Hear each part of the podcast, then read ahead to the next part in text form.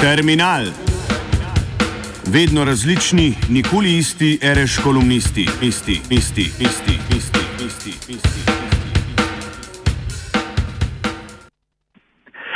Zigmund Freud je v eni od svojih neravno redkih poslanic Lu Andreja Salome v tisti, ki je vrgal na papir 17. februarja 1918 zapisal.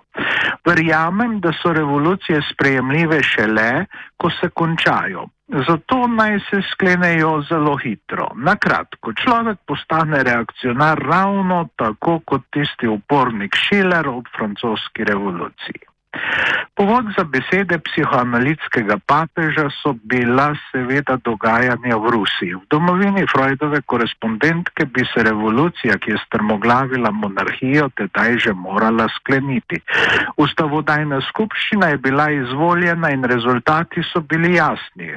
Ruski socialisti revolucionarji so vse tekmece pustili daleč za seboj. Skupaj s poslanci enake usmeritve iz ukrajinskega območja ter s partnerji začasne vlade bi jim ne bilo težko vzpostaviti solidne delovne večine v konstituanti in sestaviti vlade.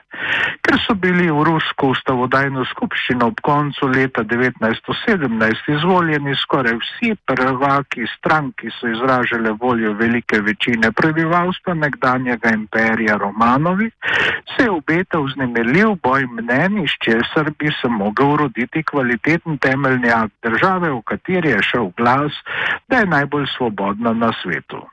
Začasna vlada v Petrogradu je namreč izvedla emancipacijo judov, podelila volivno pravico vojakom, dopustila popolno prostost združevanja ter sredi vojne vihre omejila trajanje delovnika in odpravila smrtno kazen. Za nekaj časa celo popolnoma.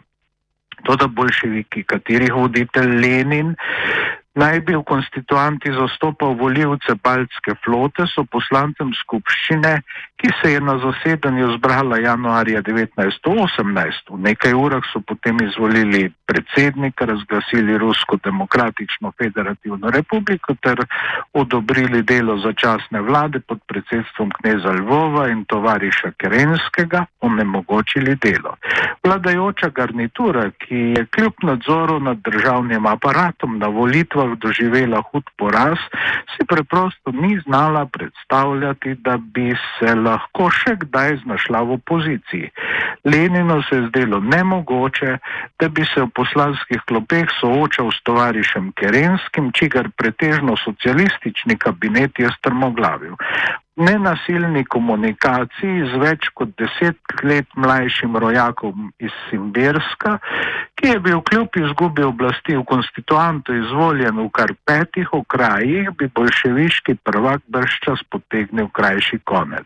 A ker je imel za seboj bajonete, jih je uporabil, razgnal skupščino in revolucijo ločil od svobodno izbranega ljudskega zastopstva. To je bila velikanska, celo epohalna sprememba. Revolucije so se dotlej namreč vedno zauzemale za kolikor mogoče široko in z ničemer uvirano reprezentiranje razpoloženja prebivalstva, katerega območja so zajele. 20. stoletje je tradicionalnim nasprotnikom koncepcije vladavine preverljive ljudske volje, ki so nekoč izhajale le iz konservativnih in reakcionarnih vrst, dodalo še nove. Odmik od zamisli o svobodnem državljanskem odločanju na vseh ravneh, ki je temeljni pogoj za nenasilno državljansko interakcijo, je tako dobil nov pospešek.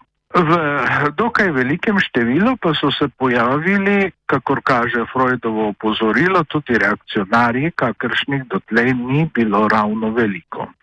Doba, v kateri je najhitreje izginjal sram pred razgaljenjem razkoraka med videzom in stvarnostjo, je ob inauguraciji bodi si imenovanih, bodi si na enostrankarskih volitvah izbranih aklamativnih zastopstev postregla tudi z okinitvami demokratično izvoljenih organov. V Avstriji so leta 1933 predstavniki ljudstva kar sami sebi onemogočili delo in nas težaj odprli vrata avtoritarnemu režimu, o katerega najustrežnejšem poimenovanju se zgodovinari prirekajo še danes. Medtem, ko ga eni razglašajo za poskus uresničitve zamisli novoveške variante stanovske države, ter drugi šteje za svoj vrsten fašizem. Vse se je začelo z debato v Dunajskem parlamentu 4. marca 1933, ki se je sukala okoli kaznovanja železničarjev zaradi stavke pred štirimi dnevi. Opozicijski socialdemokrati in zagovorniki vse nemške politike so nasprotovali obračunu z delavci, provladni poslanci pa so se ogrevali za temeljito preiskavo. Razlika med zagovorniki enega in drugega tabora je bila minimalna. Socialdemokratka Karl Renner, ki je bil prvi predsednik parlamenta in kot tak ni smel glasovati, je odstopil, da bi ukrepil vrste svoje stranke kot poslanec. Potem je enako storil njegov kolega iz vrst vladnega tabora. Po odstopu drugega predsednika parlamenta se je v poslanske vrste preselil še tretji, vsenemški zastopnik. Pa to tako tehnično ni bilo več mogoče izvršiti glasovanje in tudi ne sklicati nove seje že konstituiranega ljudskega zastopstva. Vlada ki ji seveda mandat ni prenehal, je delala dalje ter upravljala Alpsko republiko z dekreti. Hitro jo je preobrazila v enostrankoško zvezdno državo Avstrijo. Ta je 1. maja naslednjega leta dobila novo ustavo. Edino uradno delojoče politično gibanje v njej je bilo domovinska fronta, ki je imela temelj v prejšnjih krščansko-socialnih in brambovskih organizacijah, opozicija pa so bili ostanki vse manj vplivne socialdemokracije in iz dneva v dan močnejši hitlerijanci. Toliko in toliko let pozneje mogoče reči, da eliminacija ljudskega zastopstva nikjer ni bila tako enostavna in ne boleča, kakor v prvi Avstrijski republiki primerov bodi si hipne, bodi si postopne razgradnje institucij, ki omogočajo nenasilno državljansko interakcijo v zgodovini veliko.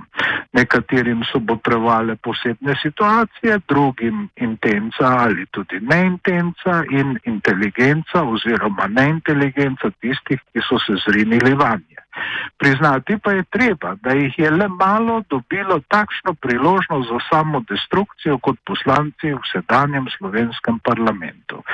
Ko bo na 21. dan letošnjega decembra potekel strani ustavnega sodišča postavljen skrajni rok za sprejem sprememb zakonodaje, ki ureja državno-zborske volitve, se lahko zelo hitro pojavi situacija, v kateri bo mogoče praktično vse.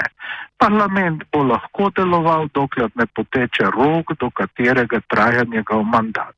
V primeru nespremembe volivne zakonodaje njegov naslednik ne bo mogel biti obče veljavno izbran. Seveda pa bi vlada, katerakoli bi že bila ob koncu sedanje legislature, mogla delovati dalje. To bi celo moralo storiti, saj bi nastopile posebne razmere. V vsakršnih okoliščinah je namreč treba organom soverene oblasti delati nekaj za njo najobičajnejšega, sprejemati odločitve. In to bi se tako ali drugače počelo.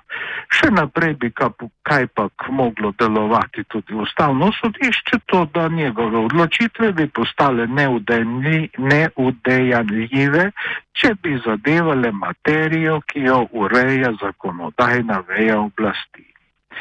V vznemirljivih časih živimo v takšnih, ko se značaj odgovornost, sposobnost in izkušenost ljudi pokažejo takoj, ne šele čez leta.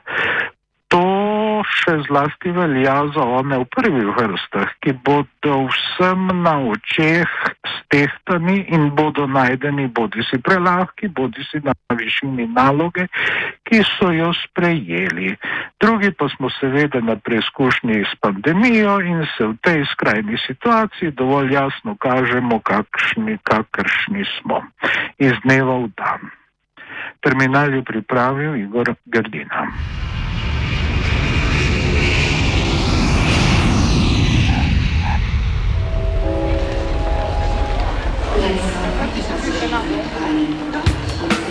Terminal. Vedno različni, nikoli isti, reš kolumnisti, isti, isti, isti. isti.